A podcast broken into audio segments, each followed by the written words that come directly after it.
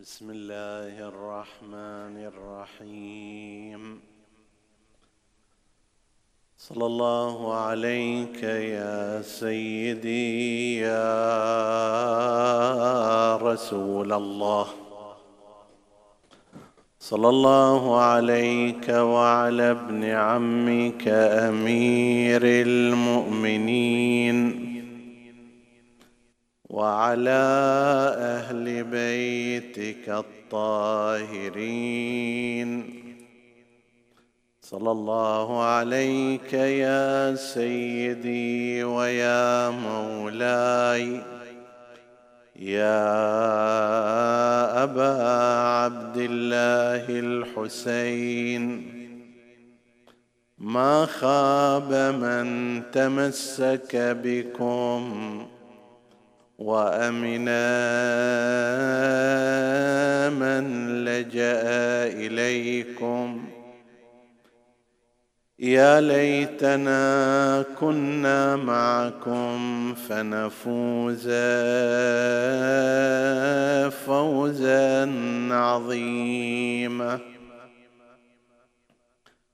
لله مطروح حوت منه الثرى. نفس العلا والسؤدد المعقودا. ومجرح ما غيرت منه القنا حسنا ولا أخلقن منه جديدا. ومبدد الأوصال.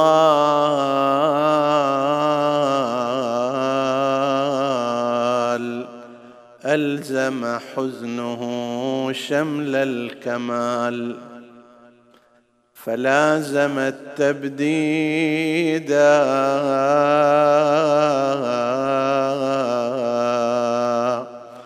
قد كان بدرا فاغتدى شمس الضحى.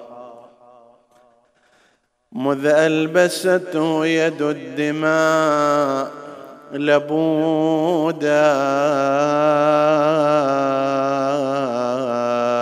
تحمي أشعته العيون فكلما حاولنا نهجا خلنه مسدودا وثواكل بالنوح تسعد مثلها. أرأيت ذا ثكل يكون سعيدا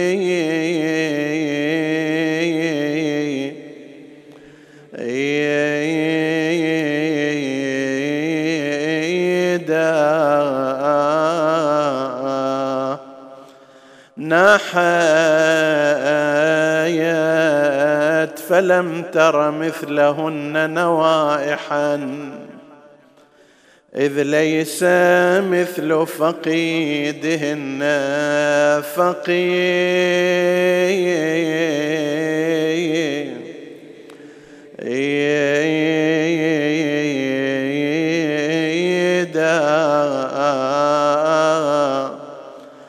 عبراتها يا يا تسقي الثرى لو لم تكن زفراتها تدع الرياض هم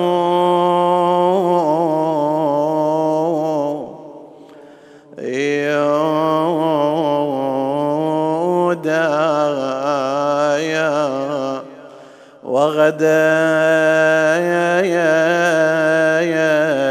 أسيرة خدرها ابنة فاطم وغدايت أسيرة خدرها يا ابنة فاطم لم تلف غير كفيلها يا مصفودا ناديت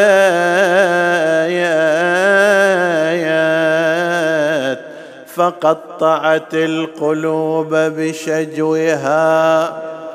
لكن من انتظم البيان فريق. إنسان عيني يا حسين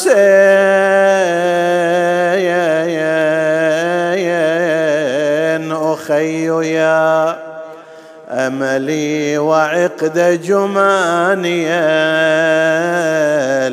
المعقود ما لي دعوتك لا تجيب ولم تكن. عودتني من قبل ذا يقصدون لكنما الأمر لله لا حول ولا قوة إلا بالله العلي العظيم. إنا لله وإنا إليه راجعون. وسيعلم الذين ظلموا اي منقلب ينقلبون والعاقبة للمتقين. عطروا مجالسكم بذكر محمد وآل محمد.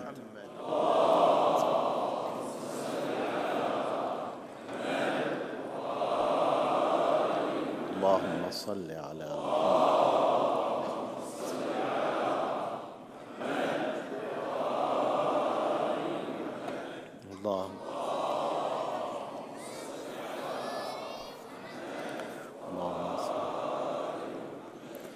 حديثنا بإذن الله تعالى. يتناول هذه الليلة موضوع أنه كيف أن الاتجاه الأموي المستمر في هذه الأمة بعدما قتل الحسين عليه السلام أراد قتل ذكره وإلقاء المسؤولية على شيعة أهل البيت. الآن الاتجاه الأموي يشيع هذه الفكرة البائسة القائله من أن الحسين بن علي أخرجه شيعته حتى إذا جاء قتلوه فلما قتلوه أخذوا يجلدون أنفسهم تكفيرا عن الذنب. وهذا يبثونه وهذه الماكنة الإعلامية الأموية المدعومة بالمال وبالرجال تبث مثل هذه الأفكار. هذه الفكرة غير أنها إهانة ما بعدها إهانة لشخصية الإمام الحسين عليه السلام. أي واحد يقول هذا الكلام هذا يهين الإمام الحسين إهانة مباشرة وصريحة وهو يعلم ذلك أيضا. هذا مثل تمثيل شخصية الإمام الحسين على واحد شاب غرير غير متزن جماعة حرشوه حقشوه وأثاروه وإجا بعدين خدعوه وقتلوه. نفس هذه الفكرة هي فكرة من أسوأ الإهانات للإمام الحسين عليه السلام. الإمام الحسين أفضل خلق الله في زمانه بلا ريب. عقلا وعملا ودينا وخلقا وسلوكا بعد رسول الله وبعد أمير المؤمنين وبعد الحسن لا يوجد في زمان الإمام عليه السلام شخصية أعظم منه. تيجي تقول والله جماعة من الشيعة قالوا له قوم تحرك زين أثاروه لعبوا عليه. وهو هم بدون تفكير بدون تبصر. ويا قوم يا شقرة قام وطلع وبعدين أيضا بنفس الطريقة اللي خدعوه عندما أثاروه بنفس الطريقة خدعوه وقتلوه. هذا الباطل في أوضح صوره أول ما فيه إهانة للإمام الحسين عليه السلام وهو الأمر المهم جدا. هذا الأمر اللي يزيد ابن معاوية ما قاله ابن زياد ما قاله. أعتى أعداء الحسين عندما قيل لهم قتلتم الحسين ما كان عندهم من الوقاحة ما عند بعض المعاصرين لكي يقولوا لا الحسين انت جماعة لعبوا عليك وأثاروك وبعدين قتلوك مو إحنا اللي قتلناك. يزيد لا يمتلك من الوقاحة ما يمتلكها بعض هؤلاء. ولا ابن زياد يمتلك من الوقاحة ما يمتلك هؤلاء. لذلك إحنا في هذه الليلة سوف نتحدث عن هذا الموضوع بشكله الواسع. جريمة قتل الحسين عليه السلام بعدما حصلت من قبل بني أمية وأعوانهم وقادتهم والفكر المخالف لأهل البيت عليهم السلام الاتجاه الأموي سوى عدة أمور اللي نتيجتها شفنا بعض الناس يقولون هذا الكلام يعني أثمرت بذرة الحنظل تلك ثمر الحنظل هنا زين؟ فماذا صنعوا في أول الأمر؟ من الواضح أن الذي كما ذكرنا في ليلة مضت جيش الجيوش وأمر العساكر واتخذ قرار القتل في أول يوم ولايته هو يزيد بن معاوية. أول يوم. يوم خمسه عشر رجب سنة ستين مات معاوية.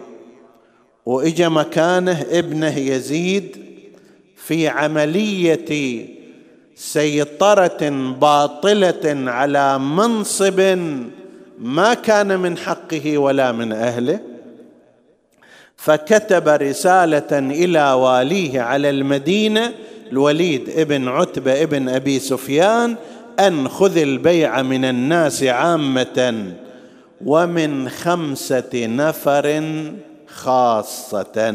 هذا موجود في تاريخ الطبري. وتاريخ الطبري غير محسوب على شيعة أهل البيت.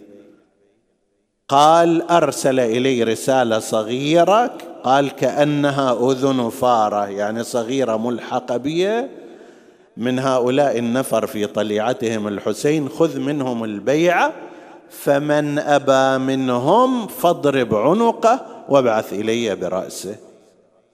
ذاك اليوم يزيد قبل لا الحسين يطلع وقبل لا يتحرك وقبل لا يقرر هو اتخذ قرار القتل والتصفية إذا لم يبايع الحسين عليه السلام. لا كان أكو كوفة ولا كان أكو أحد دعا الحسين ولا غير ذلك ولا كتب إليه.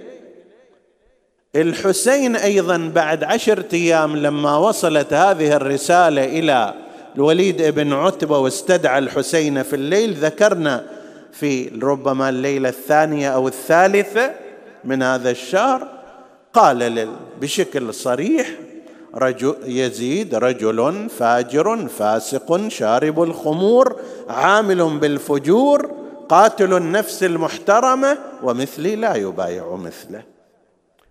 لا اكو كوفه ذاك الوقت ولا اكو رسائل ولا حد دعا الحسين للخروج ولا غير ذلك. موقفه حدده من البداية قال أنا هذا لا أبايعه لهذه الصفات ولهذه الأسباب. إذا تريد بكره نتباحث في الموضوع على الملأ لنرى أينا أحق بالخلافة. في أصل المسألة ما مبايعين إلى لا نراه أهلا. وخرج الحسين عليه السلام من المدينة المنورة يوم سبعة وعشرين رجب في نفس السنة متجها إلى مكة المكرمة. هو اختار الذهاب إلى مكة المكرمة. ما كان أحد دعاه ولا رسائل أحد إجتي ولا هم يحزنون. في في مكة المكرمة بقي فترة من الزمان هناك جاءت رسائل من الكوفة رسائل من اليمن رسائل من البصرة للإمام الحسين عليه السلام. لكن الدافع الأساس له هو ما صرح به مرارا إني ماض لأمر أمرني به رسول الله صلى الله عليه وآله. ونفس وهو نفس الغرض اللي مثلي لا يبايع مثله مثل لا يبايع مثله. وعلى الإسلام السلام إذا بليت الأمة براع مثل يزيد وأمثال هذه الكلمات. خطب الإمام الحسين عليه السلام ما كان فيها ذكر إلى أهل الكوفة ولا إلى رسائلهم ولا غير ذلك إلا فيما بعد للاحتجاج على بعضهم من ممن أراد أن يركب الموجه وإلا إلى حين خروجه قال ألا وإني زاحف بهذه الأسرة على قلة العدد وخذلان الناصر. من أراد من كان باذلا فينا مهجته موطنا على لقاء الله نفسه فليرحل معنا وهي خطبة مسجلة ومدونة كثيرة. ما فيها أي أثر لقضية الدعوة ولا شيء. نعم فيما بعد وقد جاءت رسائل للإمام الحسين وهو في مكة المكرمة. استفاد الإمام الحسين عليه السلام من هذه الرسائل في الاحتجاج عليهم. لكن ما كانت هي تعين أصل حركته. أصل حركته أي عينها قبل شهادته بنحو ستة أشهر عندما قال مثلي لا يبايع مثله. عندما قال يزيد رجل فاسق فاجر. عندما قال وعلى الإسلام السلام إذا بليت الأمة براع مثل يزيد. عينها قبل ستة أشهر من شهادته وقدمها لي قدام. وأخبر عن مصرعه أيضا وقال وخير لي مصرع أنا لاقيه. طيب شنو كلام إنه والله قالوا له تعالوا هو أيضا هالشكل. لما قالوا له لا درس الموضوع لا فكر فيه لا قاسه على مبادئه لا قاسه على أفكاره على شخصيته على كذا. هالشكل قام وراح وبعدين مثل ما خدعوه فأصل القومه خدعوه وقتلوه. ما هذا الإسفاف؟ ما هذه الوقاحة؟ ما هذه الفجاجة؟ هذا لو أي واحد سواها من عامة الناس يتهم بالطيش والحمق وعدم التفكر في الأمور. الحسين عليه السلام أكمل الناس رايا وعقلا وحكمه. زين. هؤلاء ماذا صنعوا بعد ما قتل أولئك القوم؟ الاتجاه الأموي قتل الإمام الحسين عليه السلام. أشرنا في بعض الليالي الماضية إلى أنه أنت لو تجي تستعرض قتلة الحسين من الرؤساء إلى المباشرين من الرؤساء إلى المباشرين. الذين قتلوا علي الأكبر الذين قتلوا القاسم الذين قتلوا أبا الفضل العباس الذين قتلوا سائر الأصحاب حبيب بن مظاهر لا يوجد منهم شخص واحد يذكر في عداد الشيعة. شخص واحد ماكو. حسين ابن نمير التميمي شيعة لأهل البيت وطول دهره وتاريخه ينكل باصحاب أمير المؤمنين ابن زياد شمر عمر بن سعد ما أدري زيد بن رقاد حكيم بن الطفيل مر ابن منقذ العبدي مر هذا الولد الوحيد الشاذ من أبناء منقذ العبد الذي كان على خلاف خط أهل البيت. وإلا هو منقذ العبد كان والدهم يعني كان صاحب راية مع أمير المؤمنين عليه السلام نصير إلى أمير المؤمنين. أخته ماريه بنت منقذ العبد كانت جعلت بيتها في البصرة محل اجتماع للشيعة الذين خرجوا لنصرة الإمام الحسين عليه السلام في كربلاء. قريب 12 واحد قبل ما يطلعوا يمروا بيت هذه المرأة الصالحة ماريا بنت منقذ مثل حسينية كانت مسوية. تتلقف أخبار الحسين وين وصل وما أدري كذا وكان شيعة الحسين في البصرة يجتمعون عندها. الوحيد من هذه الأسرة الذي كان مخالفا لأمير المؤمنين ومخالفا للتشيع هو أخوهم مرة. مر هذا هو الذي قتل علي الأكبر. يعني لكي يقتل أحد مثل علي الأكبر أو غيره لازم يطلع من برا التشيع والانتصار لأهل البيت والعلاقة معهم حتى يروح يقتله. الوحيد الذي نقل من بيت منقذ العبد أبوهم الوحيد الذي كان على خلاف التشيع هذا مرة ومرة هو الذي ذهب إلى كربلاء وقتل عليا الأكبر عليه السلام. فأنت لما تيجي تفتش روح سووا إحصاء أسماء القتلة أسماء القتلة الذين قتلوا الأصحاب العترة الهاشميين في كربلاء لا تجد فيهم واحدا يوصف بالتشيع. شنو الشيعة جابوا الحسين وقتلوه؟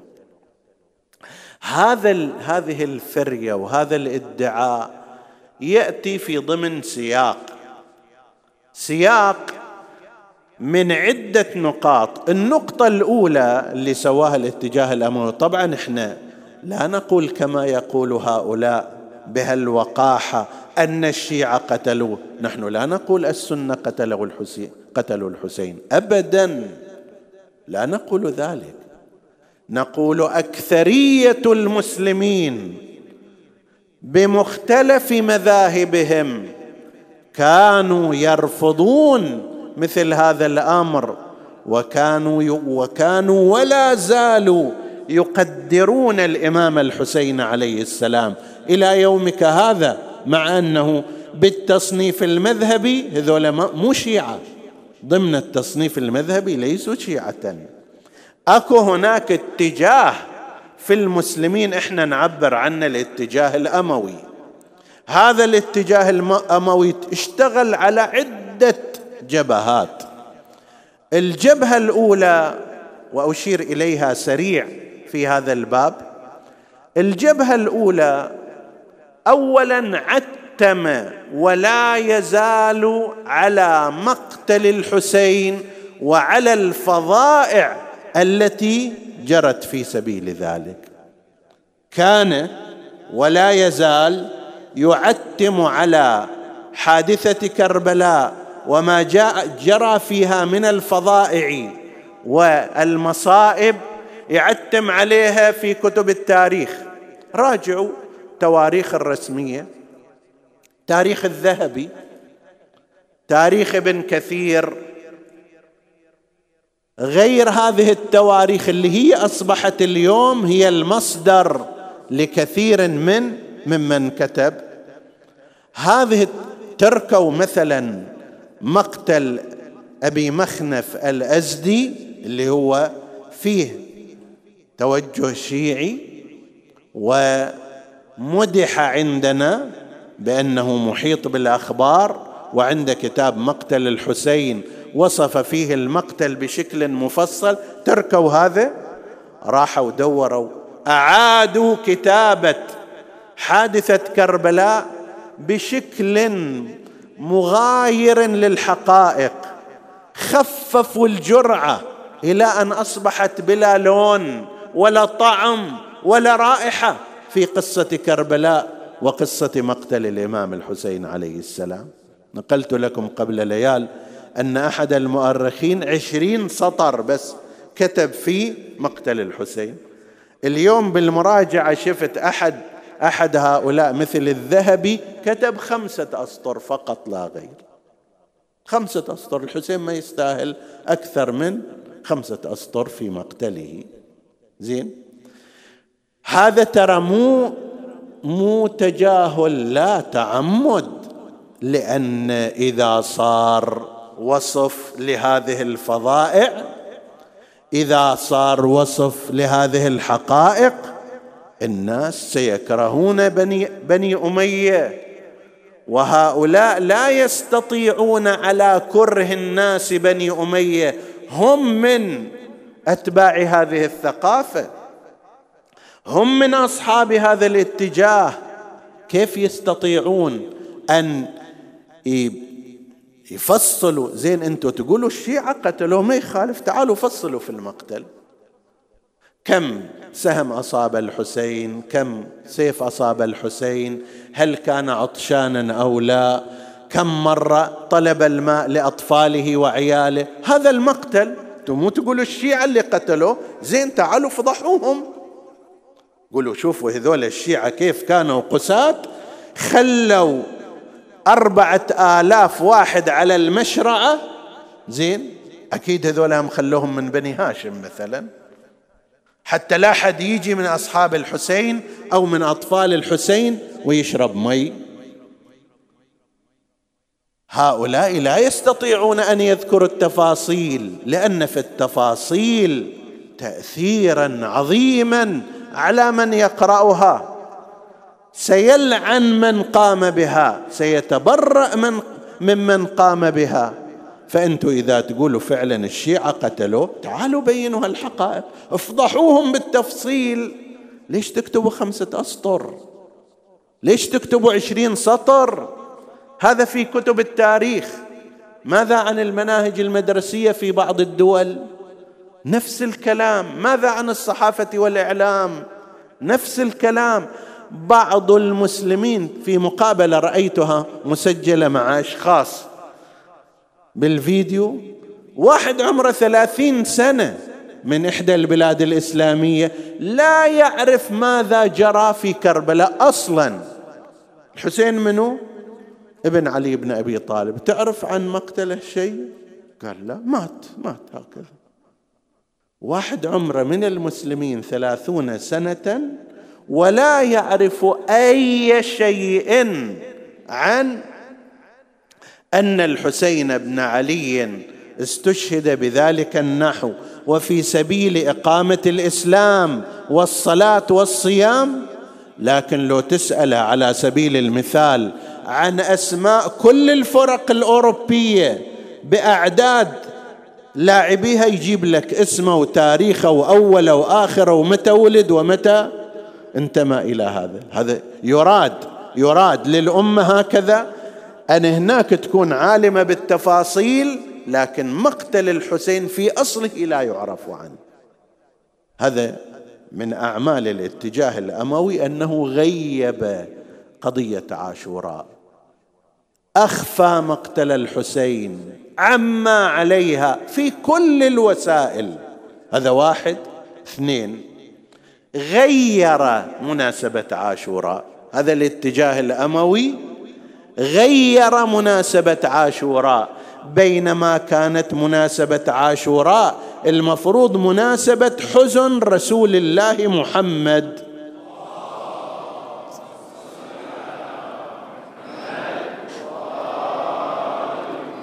فليرجعوا إلى كتب الصحاح عندهم وكتب الأحاديث الموجوده عند المسلمين فيها الروايات كثيرة.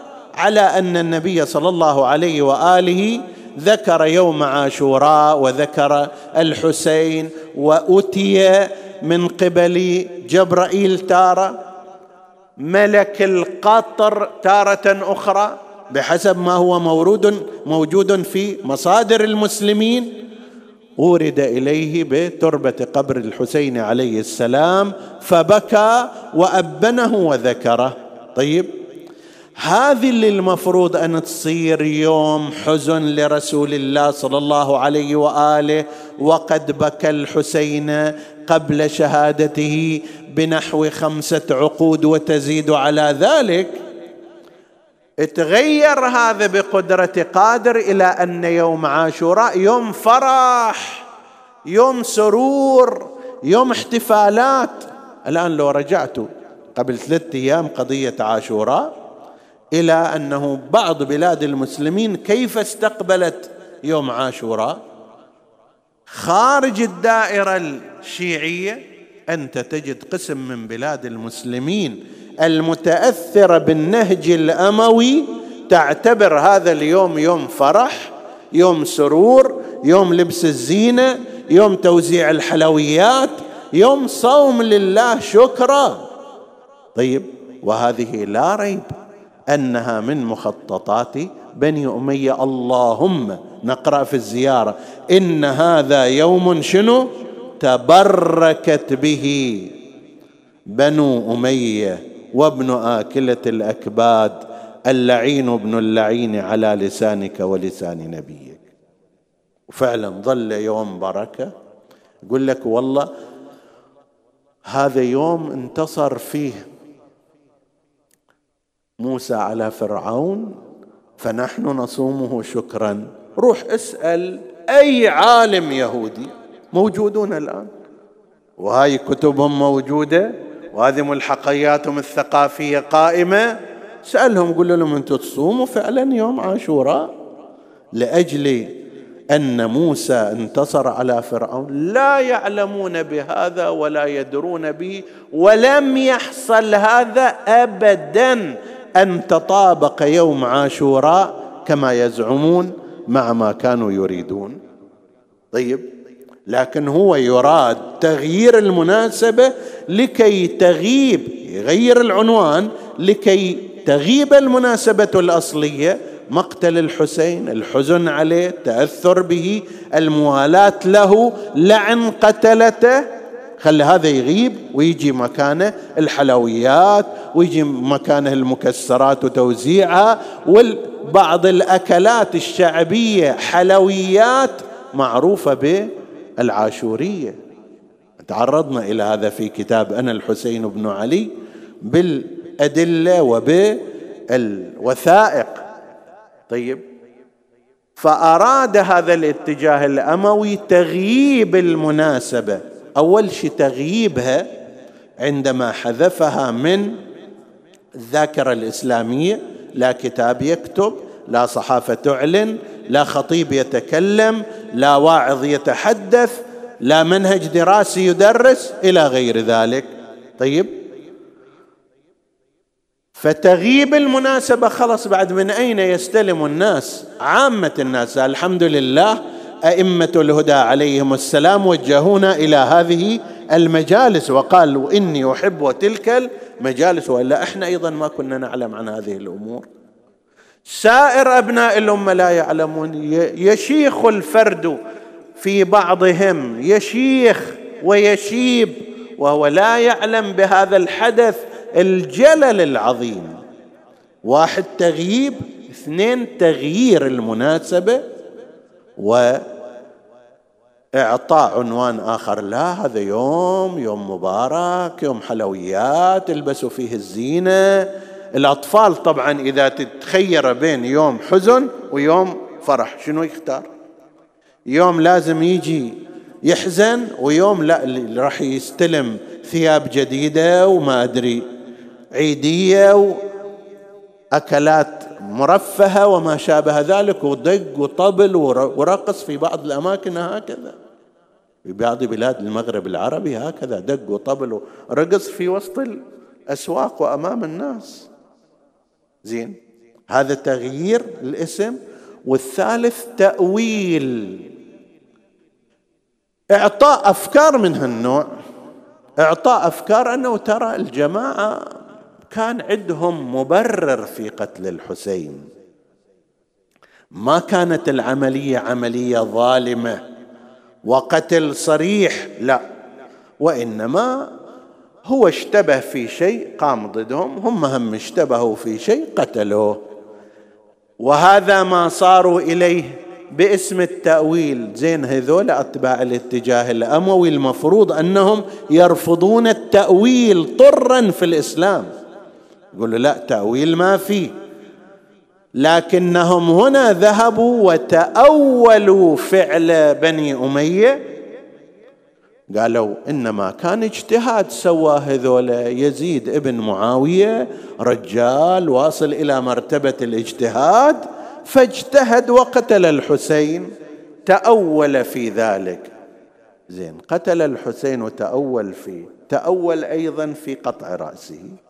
تأول في رد صدره تأول في حرمان الأطفال من الماء تأول في سبي النساء تأول في تشهير النساء من بلد إلى بلد. كل تأول تأول تأول. أين العقول؟ أين الأفكار؟ أين الإنصاف؟ لا يوجد. ليش؟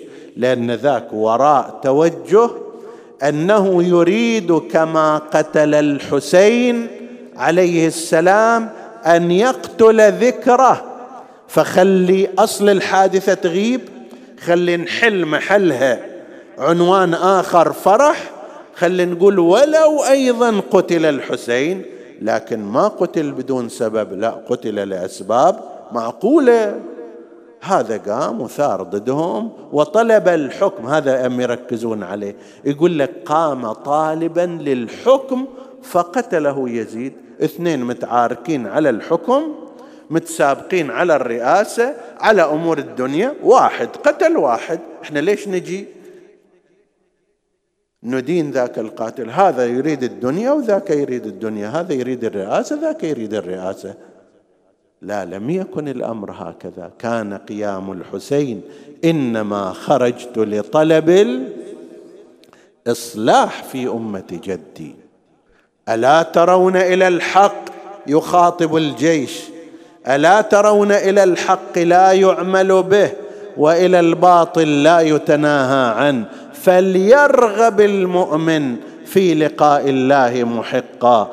فإني لا أرى الموت إلا سعادة والحياة مع الظالمين إلا برما هذا أمر ثالث أيضا سووه.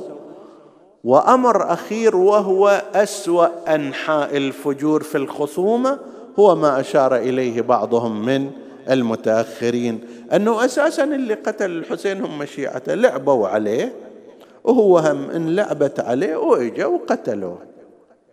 هذا كما قلت في أول المجلس هذا أسوأ إهانة للإمام الحسين عليه السلام يقدمها بعضهم في هذا الزمان. أكبر شتيمة للإمام الحسين هو هذا. هذا إذا تقول له إلى شاب عمره 15 سنة ما يرضاها. يعني شنو؟ غر ساذج لا عقل له مجرد أن أشروا عليه جماعة هكذا. قام بلا تفكير بلا تأمل بلا رجوع إلى المبادئ. طيب وقام هالشكل من غير تبصر ولا بصيرة وإجا إلى مكانه. هذول هم نفس الجماعة اللي لعبوا عليه حركوه نفس الجماعة قتلوه. شنو هذا الهراء؟ من الذي قتل الحسين؟ زينب عليها السلام. خاطب يزيد أنت من أولئك الطلقاء والطلقاء في تاريخ المسلمين معناه ما يتولون ولاية. لما قال لهم رسول الله اذهبوا فأنتم الطلقاء. المدلول السياسي لهذا المعنى أنه أنتم كأنما درجة ثانية. ما لكم حق التصدر. الذي آمن اختيارا وجاهد كثيرا وتصدى في وقت الضغط هو هذا الذي يقود المسلمين. أما واحد ما ادخر جهدا في إعاقة الإسلام وفي قتل المسلمين وفي محاوله القضاء على المسلمين وما آمن إلا مكرها وأخيرا من عليه رسول الله بدل ما يقتله أطلقه منا. قال اذهبوا فأنتم الطلقاء.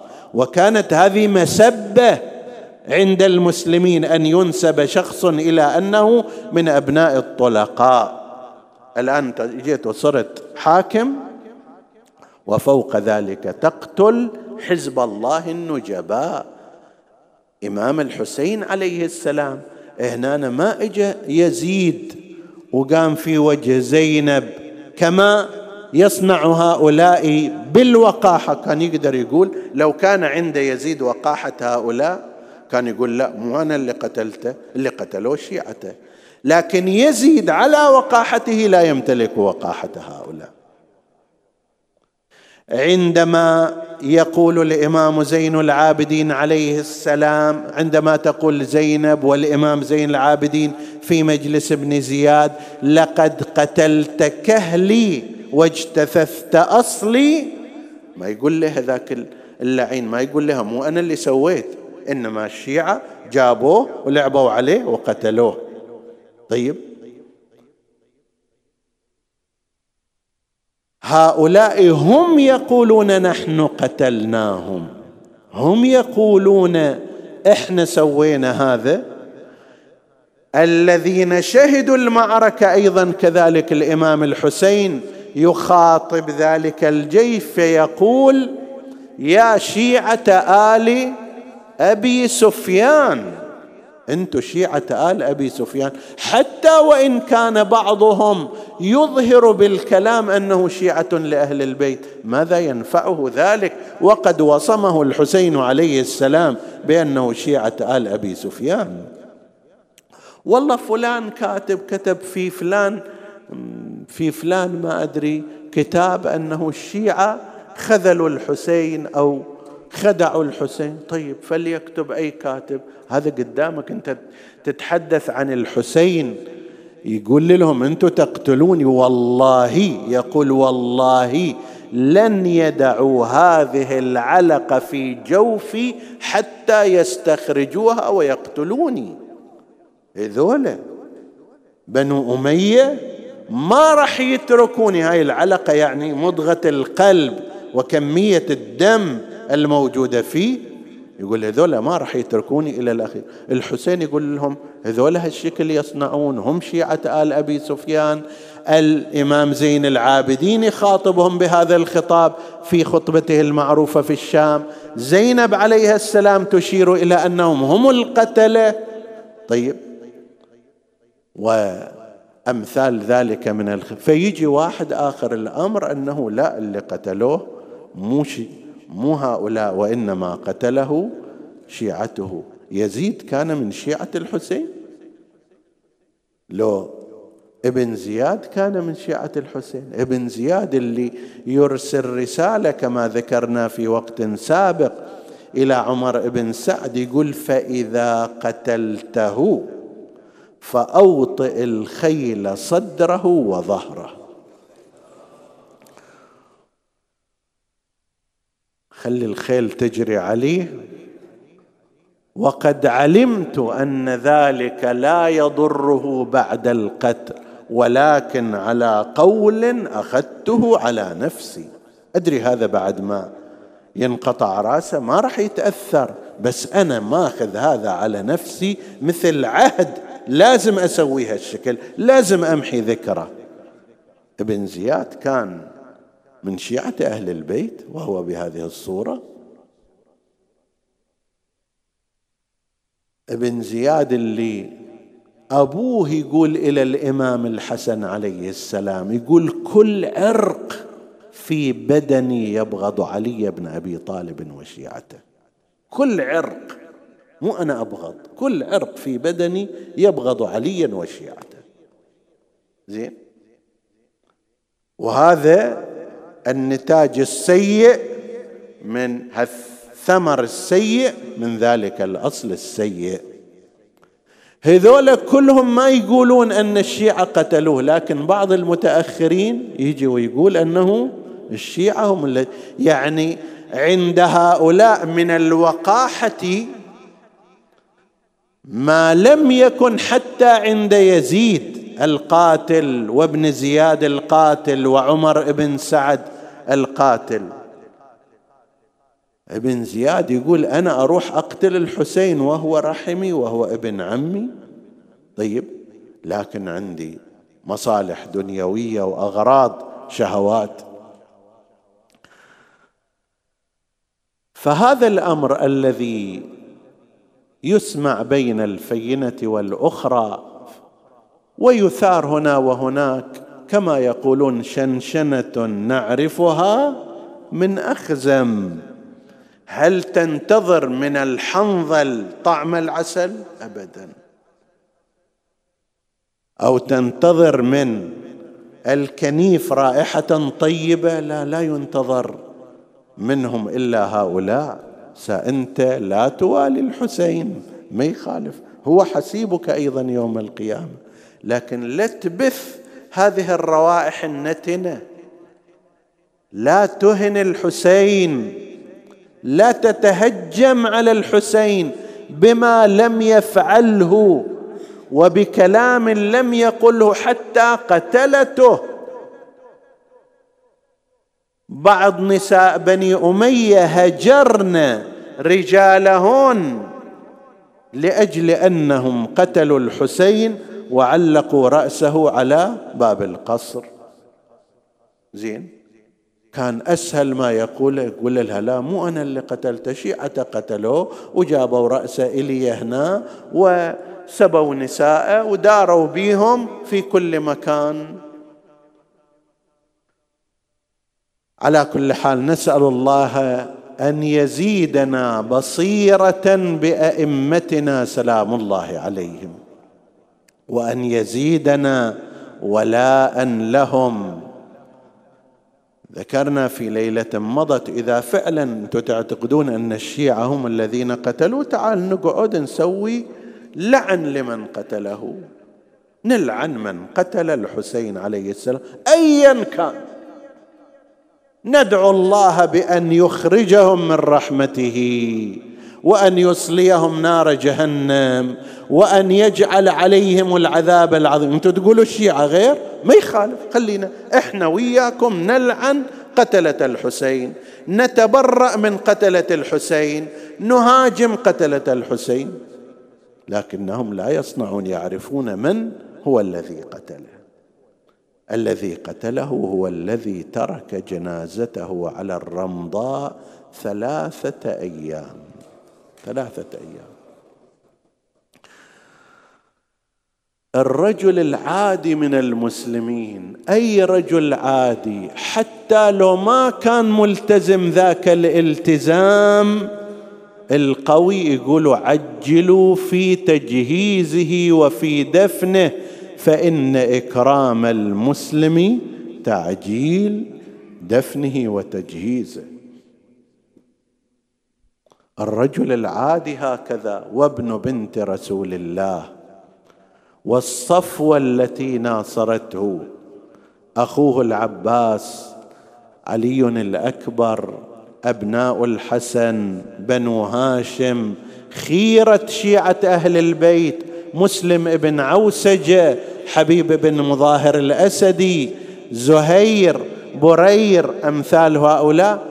كلهم جنائزهم بقيت على الرمضاء في يوم عاشوراء إلى يوم الثالث عشر من شهر محرم. هذا الحسين اللي لازم يكون في أحداق العيون وإذا بجنازته على الرمضاء تصهرها أشعة الشمس من الصباح إلى المساء. وتسفي عليها الرياح الذاريات. وهذا مو جنازة عادية لا هاي جنازة مطحونة بحوافر الخيل. مشتتة مبددة آخر حتى الجسد أيضا. إذا متماسك طيب يختلف عما إذا كان قد فصلت أعضاؤه وكسرت عظامه وخلط لحم بدنه. وقد صنعوا ذلك بالحسين عليه السلام. لذلك حقها زينب سلام الله عليها عندما تخرج وهي تقول والله لو خيروني بين المقام عندك أو الرحيل عنك لاخترت المقام ولو أن السباع تأكل من لحمي. خليها السباع تجي إلي ولكن أنا أقعد حارسه لجسدك أسعى في تجهيزك لكن لم يتركوا لها مجالا ولم يتركوا للإمام زين العابدين كذلك ورحل ذلك الركب إلى الكوفة وبقيت جنازة الحسين عليه السلام معطلة بأبي من غسله دمه. والتراب كافوره والقنا الخطي نعشه وفي قلوب من والاه قبره. ترى الحسين مو مدفون هناك في كربلاء فقط وإنما هو في كل قلب من قلوبنا. وبقي هذا الجسد الطاهر. على مقربه من كربلاء كان حي لبني غاضره بني أسد. وهؤلاء أراد حبيب ابن مظاهر أن يدعوهم لنصرة الحسين عليه السلام ليلة العاشر أو قبلها والإمام الحسين أذن له فذهب إليهم وأخبرهم بالحسين وأنه نزل كربلاء وأنكم إذا أردتم نصرة رسول الله فهلموا إلى نصرته أرادوا أن يتجهزوا لكن لعينا من القوم. أكو في كل مجتمع أكثرية صالحة وأكو هناك أناس سيئون أيضا. ذهب وأخبر عمر بن سعد. عمر بن سعد جاب سرية من ثلاثمائة فارس وأجبرهم على أن يبتعدوا من المكان وإلا ناجزهم القتال. قوموا شيلوا وإذهبوا بعيدا فبالفعل ذهبوا من ذلك المكان إلى نحو ستة سبع كيلومترات بعيدا عن الواقعة ولم يشاركوا. هذول كانوا يسمعون في أثناء المعركة صهيل الخيل زعقات الرجال الأصوات خصوصا الصحراء ما فيها حواجز كثيرة تمنع الأصوات. فكانوا يسمعون الأصوات إلى يوم 11 كان هناك. لا يزال الجيش موجود وبالتالي أصوات الخيل والإبل والرجال كانت توصل بشكل من الأشكال. اليوم الثاني عشر لم يكن هناك أصوات. شكت تلك الفئة أنه شنو صاير؟ ما الذي جرى؟ ما نسمع صوت. اليوم الثالث عشر أرسل أولئك الرجال نساءهم لكي بعنوان أنهم يستقين من المشرع الماء ويستطلعوا ما الخبر ما الذي جرى لماذا لا نسمع شيء؟ فجاءت النساء من ذلك المكان حتى مروا على أرض المعركة فإذا بهن يرين ما تشيب له الرؤوس. جثث بلا رؤوس لأن اللعناء قطعوا رؤوس جميع من قاتل فأصبحت الجثث بلا رؤوس وهذا مكبوب على وجهه ذاك على ظهره هذا مقطوع اليدين ذاك مقطوع الرجلين فهالهن ما رأين راحوا على الشريعة ورأين أيضا جسد ذلك العظيم البطل الذي فضخت هامته وقطعت يداه. لما رأين ذلك رجعن إلى رجالهن. مولولات معولات حزينات ماذا رأيتن؟ لماذا تبكين؟ قالوا بلسان الحال إحنا قصدنا المشرعة وجينا المعارة. وشفنا جسد مطروح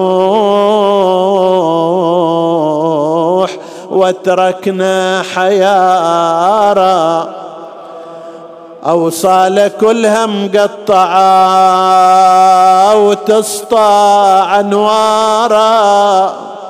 مقطوع حتى خنصرا. من جف اليمين ويما ولد مثل البدر نور تلاله كثر الضرب والطعين ما غير جماله. ما تنحصى جروحه مقنطر على شماله. الله يساعد قلب هل فقدت هالاثنين؟ وفطر مرايرنا جسد يم الشريع مذبوح لكن ذبحته والله فجيع. حتى من الزندين شفينا قطيع صاحب علم جنة وسلالة هاشمية. لما سمع الرجال ذلك قاموا متبادرين إلى أرض المعركة. عظم الله أجوركم يا مؤمنين. لما جاءوا إلى المعركة داروا حولها فرأوا الأجساد بلا رؤوس. أرادوا أن يدفنوها ولكن لم يكونوا يعرفون هذا الجسد لمن وذاك لمن. بينما هم واقفون حائرون وإذا برجل قد أقبل من جهة الكوفة كان إمامنا زين العابدين سلام الله عليه. وقد جاء لدفن أبيه. أقدره الله سبحانه وتعالى أن يخرج من سجن الطغاة إلى أن يأتي إلى كربلاء. لما رأوا رجلا قادما ابتعدوا عن تلك الأجساد خشية أن يكون من بني أمية. لكنه أخبرهم زي أنه إمامهم زين العابدين. أمرهم أن يحفروا حفيرة لأبيه. وأخرى لعمه العباس وثالثه لحبيب بن مظاهر ورابعه للشهداء. ثم نادى يا بني أسد علي بباريه. الحسين ابن بنت رسول الله تجمع أوصاله في باريه يكفن في باريه.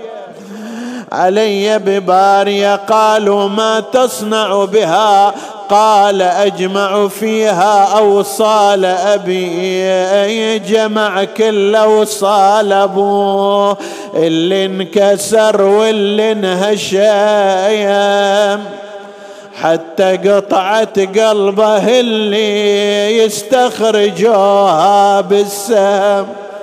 ما بقى غير الكريم على الرمح يبرى الحرايام نادى علي ببارية جمع فيها كل تلك الأوصال.